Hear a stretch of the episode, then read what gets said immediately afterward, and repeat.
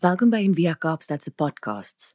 Vir meer inligting of om 'n bydrae te maak, gaan gerus na enviakaapstad.org.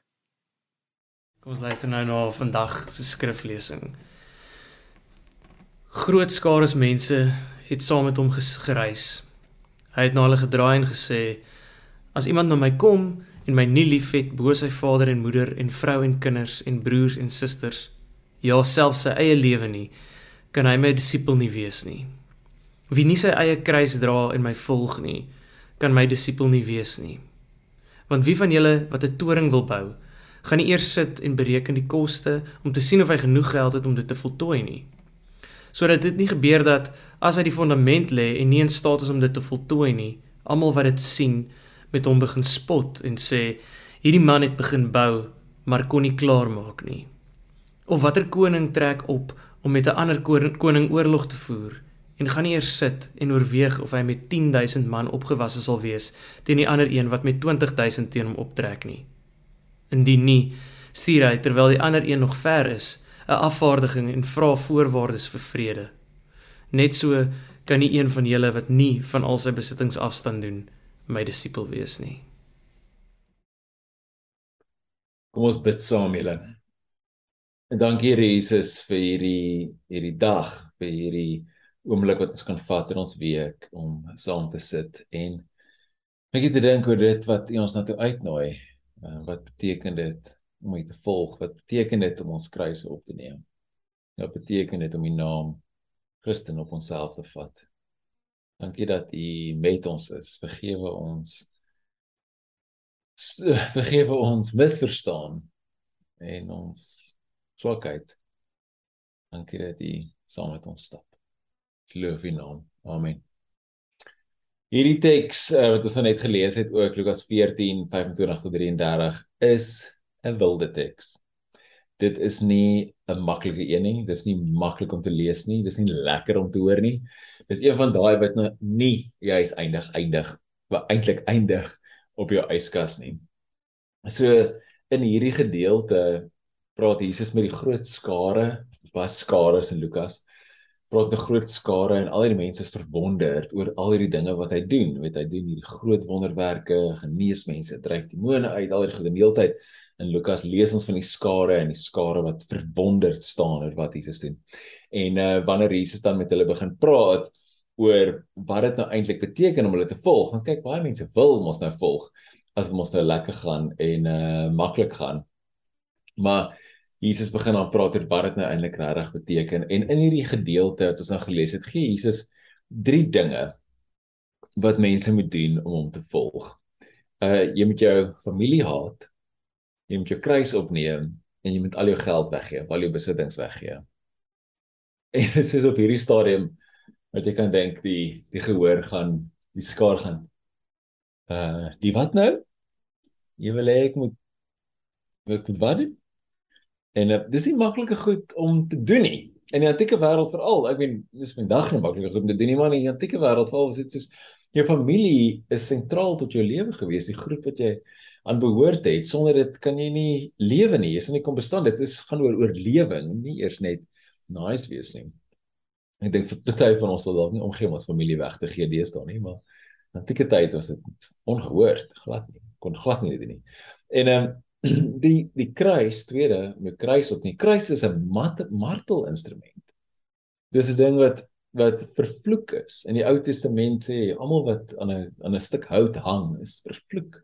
Dis hierdie vervloekte vuil ding wat gebruik word om mense mee ehm um, dood te maak of te reg te stel. Wreed te vermoor en te martel. Dis die tweede ding. So haat jou familie. Neem jou kruis op en in die derde ding gee al jou besittings weg alles weg. En ek jy en ek die laaste een vir ons westerlinge is al die moeilikste een. Sê wat? Hoe dis onmoontlik. Hoe en nou maar wat wat weet hoe dink ons as ons nou met die Bybel omgaan en ons en ons gaan om met hierdie teks en ons wil nie enige dele uit die Bybel sommer net uitsny en ignoreer nie? Wat wat maak ons daarmee? Hoe werk ons daarmee as Christene? So ek dink meeste van ons om eerlik te wees meeste van ons in, in jou gut in jou gut weet jy wat jy moet opgee en moet doen om Jesus te volg? En ek dink baie van ons is ook besig om met op 'n ongesonde manier om te gaan met soos hierdie teks. Ehm um, met hierdie eise. O of of om dit net bloot heeltemal te ignoreer, want dit is te moeilik. So op die einde van die dag as ons die die amper die die intent of die motivering agter hierdie hierdie woorde van Jesus praat dan op die mees basiese vlak en die mees eenvoudige vlak gaan dit oor om om hom eers te stel. Om te sê daar is nie iets anders wat ons bo hom sit nie. Iets soos familie of besittings of enigiets anders nie. En dis die sentrale boodskap en dis is die minimum wat ons kan wegvat van hierdie. Is wat is wat is jou wat is jou in donderdag nou te praat ek oor oor wese en being by die boek launch en toe praat ons oor wat is jou jou ground of being? Dit wat alles begrond want uit dit uit maak jy besluite. Uit dit uit kies jy wat om by betrokke te raak en wat om te doen. En die uitnodiging hier is dat Jesus jou ground of being word. Nie jou besittings nie of nie jou nie jou familie nie of nie jou identiteit of status of wat ek al nie maar Jesus. En wanneer jy jou kruis opneem, is daar iets van om self dood te gaan sodat jy Jesus volg. Nie self dood te gaan sodat jy kan beter raak nie, self dood te gaan sodat jy kan Jesus volg. Daai is die doel. Dis die ding. Dis die sentrale boodskap. Dis nie om te haat, of jy familie te haat en daai woord is ook baie sterk vertaal. Dis nie heeltemal so nie, maar ek wil dit ook nie sagter stel nie. En dit gaan ook oor arm wees nie. Maar as weer om te besluit wat is sentraal in ons lewens? Wat begrond ons lewens? Wat is ons met ons navigeerpunt, ons suiderkruis? Wat gebruik ons om mee te navigeer? Is dit ons status of familie of ons geld? Of ons commitments teenoor sake of is dit Jesus self? So ek wil graag vandag met julle deel en daar's 'n fantastiese ehm uh, priester, Vader Vader James Martin wat so great boek geskryf het 'n hele paar jaar terug The Jesus Pilgrimage. En in daai boek praat hy oor ses maniere hoe ons kan dink oor wat dit wat beteken om jou kruis op te neem. Wat beteken hierdie woorde van Jesus wat in die middel van hierdie teks staan? En ek wil se graag 'n paar van hulle uitlig, so drie van hulle vir jou uitlig. So wat ons kan help om hierdie te verstaan. So eerstens daar is meer as een dood om te sterf ons sterf nie net 'n fisiese dood nie. Terwyl ek dink meeste van ons dink ons gaan vir ewig leef. Ons sterf nie net 'n fisiese dood nie. Om in die voetspore van Jesus te volg terwyl hy sy kruis dra, moet ons aanvaar dat daar ander dode is om ook te sterf. Dat daar ander goed is wat ons na toe uitgenooi word om binne in onsself te laat sterf. Wanneer Jesus ons uitnooi om te sterf om ons kruis op te neem sodat ons kan leef, praat hy nie hy praat nie eerstens van die fisiese dood en dan die hemel daarna of die ewige lewe daarna of so nie. Daar's baie ander dode om te sterf. Ek dink ons ons ehm um, ons lewens, 'n groot deel van ons lewens gaan oor verlies, oor los. Ek het hierdie week 'n paar gesprekke gehad met mense oor los. En een van my gunsteling aanhalings vir iets wat ek die hele tyd myself aan herinner is our lives are fundamentally about loss. Verlies is 'n groot deel van ons lewens en ook op 'n manier 'n noodsaaklike deel. Sonder dit kan ons nie vorentoe beweeg nie. Sonder dit raak ons te swaar om vorentoe te beweeg. Ons het nodig om seker goederes te verloor en ander goederes af te lê om vorentoe te kan beweeg.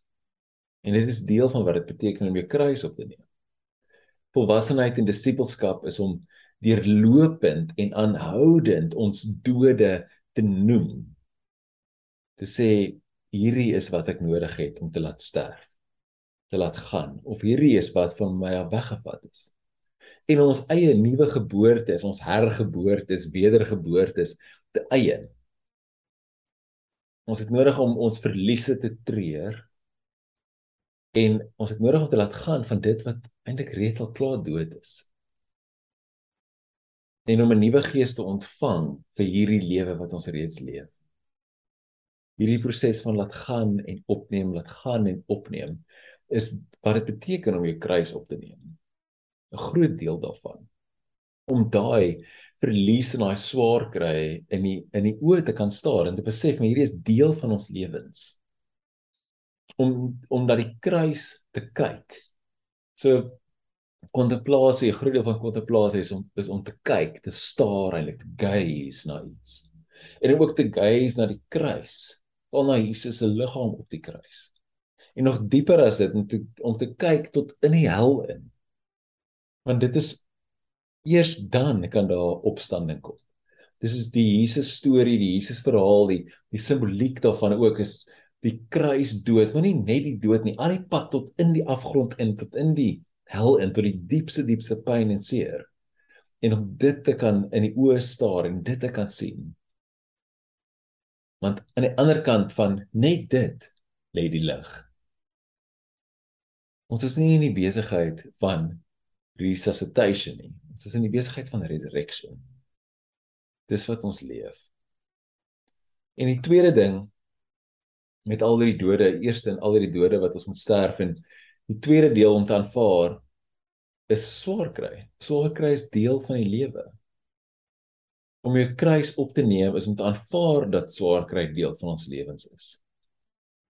Om die kruis te aanvaar beteken dat op 'n punt ons moet vrede maak met die hierdie onveranderbare feit dat frustrasies en teleurstelling en pyn en ongelykheid en siekte en onregverdigheid en hartseer en dood deel is van ons lewens. En dat ons dit moet aanvaar sonder bitterheid. Net soos Jesus dit aanvaar het. En op dieselfde tyd met nog meer dieper te vas om te sê ons ook ons behoefte vir wraak en om ander saam te neem in ons swaar kry moet ons laat gaan. Hierdie Father James Martin skryf, hy sê as long as we nurse the notion that pain in our lives is something we need not accept we will habitually find ourselves bitter bitter for not having accepted the cross. So wanneer ons nie pyn in ons lewe aanvaar nie, dan gaan ons heeltyd bitter wees en kwaad wees omdat daar pyn is. Maar as omdat ons nie die kruis wil aanvaar nie en die pyn is die kruis, deel van die kruis is die pyn. Raak ons bitter omdat ons nie die kruis aanvaar het. Die derde deel daarvan is om is om te vertrou op die een wat eerste sy kruis gedra het. So die eerste een is om al die dode te aanvaar. Tweede een om te besef dat swaar kry is deel van die lewe. Die derde een is om te fokus op die een wat eerste sy kruis gedra het. Om ons kruis elke dag te dra beteken om te aanvaar ook dat God se geskenk aan ons nie altyd lyk soos wat ons verwag nie. Om ons moet vertrou op God dat hy die beste vir ons bedoel. God antwoord nie altyd ons gebede met dit wat ons wil hê nie, maar hy antwoord met dit wat ons nodig het. Father James Martin skryf, hy sê the resurrection does not come when we expect it. It really fits into our notion of how a resurrection should happen. Ons kruise dra is om ontvanklik te wees vir verrassings. Om te vertrou op die een wat eerste sy kruis gedra het. Dis om te leef in die geloof, die vertroue dat niks onmoontlik is vir God nie. Ek hou se van die boodskap vertaling van daai Johannes teks wat sê jy sien. Jy sien. Niks is onmoontlik vir God nie. En om dit regtig te vertrou en dit regtig te glo. God is baie groter as wat ek en jy kan dink. Baie groter as ons verbeelding, ons imagination. Hoe wat ons dink en wie en wat God is. En wanneer en wanneer ons baie keer soog onder die idee voor die idee dat dat God nie ons manier uit ons pyn kan kry nie tot in 'n nuwe nuutheid kan bring nie wanneer ons dink dat God nie dit kan doen nie dan het ons God ook afgekook tot ons eie verbeelding. Klein gemaak soos dit wat ons dink met ons ou 1.5 kg breine. James Martin skryf, "It's only possible to accept our cross to live in trust and to not grow bitter inside pain if we believe in possibilities beyond what we can imagine. Namely, if we believe in the resurrection. So hierdie is mooi en groot en goed. Om al die dode te aanvaar in jou lewe wat nodig is, te laat gaan dit wat reeds dood is. Om te aanvaar dat swaar kry deel is van jou lewe. Om ook te vertrou in die een wat sy kruis eers gedra het eerste gedra het en om toe te laat dat hulle dat hy jou verras om te glo dat daar 'n opstanding lê aan die kan die swaar kry. Om Jesus toe te laat dat hy jou begrond dat sy lewe jou lewe word En hierdie is groot en mooi en goed en dan selfs al dink ons eers dis mooi en groot en goed, maar hoe doen ek dit? Wat gebeur? Ek is net 'n gewone mens. Hoe doen ek al hierdie goeders? Jesus vra ons hierdie groot goed. En ehm um, Dallas Dallas Willard skryf wanneer hy skryf oor geestelike dissiplines en sê hy jy kan nie van iemand verwag om die ander wang te draai nie of om die ekstra myl te loop nie of om al hulle besittings weg te gee nie. Maar jy kan van iemand verwag om 'n klein dingetjie te doen elke dag soos wat Jesus sou gedoen het. Om tye van stilte te hê. Om mense te vergewe. Om sag te werk met mense. Om te glimlag vir iemand by die til of 'n vreemdeling in die straat. Om 'n stukkie papier op te tel wat jy nie laat val het nie. Om die regte keuse te maak. Om al die klein goedjies te begin doen dis baie moeilik om Jesus te volg in die groot goed, maar in die kleine kan ons 'n stukkie vir stukkie soos hy begin leef. En die dissiplines en die practices wat hy vir ons geleer het, en ons begin volg en onsself verdiep in die woord en dit oordink en in stilte bly en streef daarna om 'n sagte werk in die wêreld om genade te hê. En dis wanneer ons al hierdie duisende klein aksies, klein stukkies genade wat ons uitdeel, stukkies pyn wat ons ervaar dat ons nie oor bitter raak nie. Wanneer ons al hierdie duisende klein goedjies leef, dan kan ons die groot goeders ook doen. Dis die oefen van laat gaan. Frida sal altyd sê, ons oefen die hele tyd in stilte om te laat gaan, te laat gaan, te laat gaan. Sodat sodat wanneer die dood ons regtig tref, met ons eie dood is of iemand anders naby ons se dood of die dood van 'n loopbaan van 'n huwelik dat ons dit ook kan laat gaan en deur dit kan werk. Dan kom ons die groot dinge doen. Dis om die ander wang te draai. Dis om alles wat jy het weg te gee. Dan bloot net vir Jesus te leef. En dis ons uitnodiging as 'n gemeente en as volgelinge van Jesus is om hom eerste te stel om ons kruis op te neem, om toe te laat dat hy ons begrond, om te sterf in onsself. Waarlik te sterf, om die dood in die oë te staar, die kruis na die kruis te staar te kyk, in die afgrond af te staar.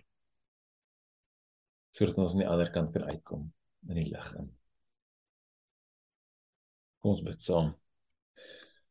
Dankie Here Jesus dat U ons nooi om U eerste te stel, om U te volg die ons nooi om ons kruis op te neem. Dankie dat U met ons is. Help ons in ons ongeloof in hierdie kleine om te vertrou dat die opstanding kom om te aanvaar dat dood en pyn en swaar kry deel is van ons lewe en dat ons elke dag so klein bietjie sterf in onsself sodat ons agter U kan aanloop sodat ons kan lief hê sodat ons eendag die groot dinge ook kan doen.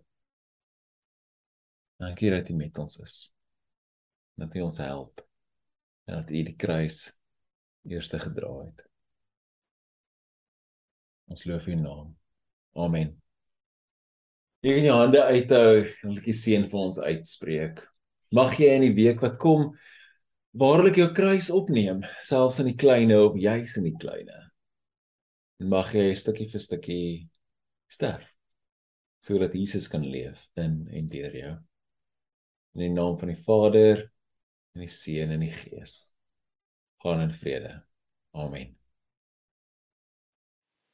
Dankie dat jy saam geluister het vandag.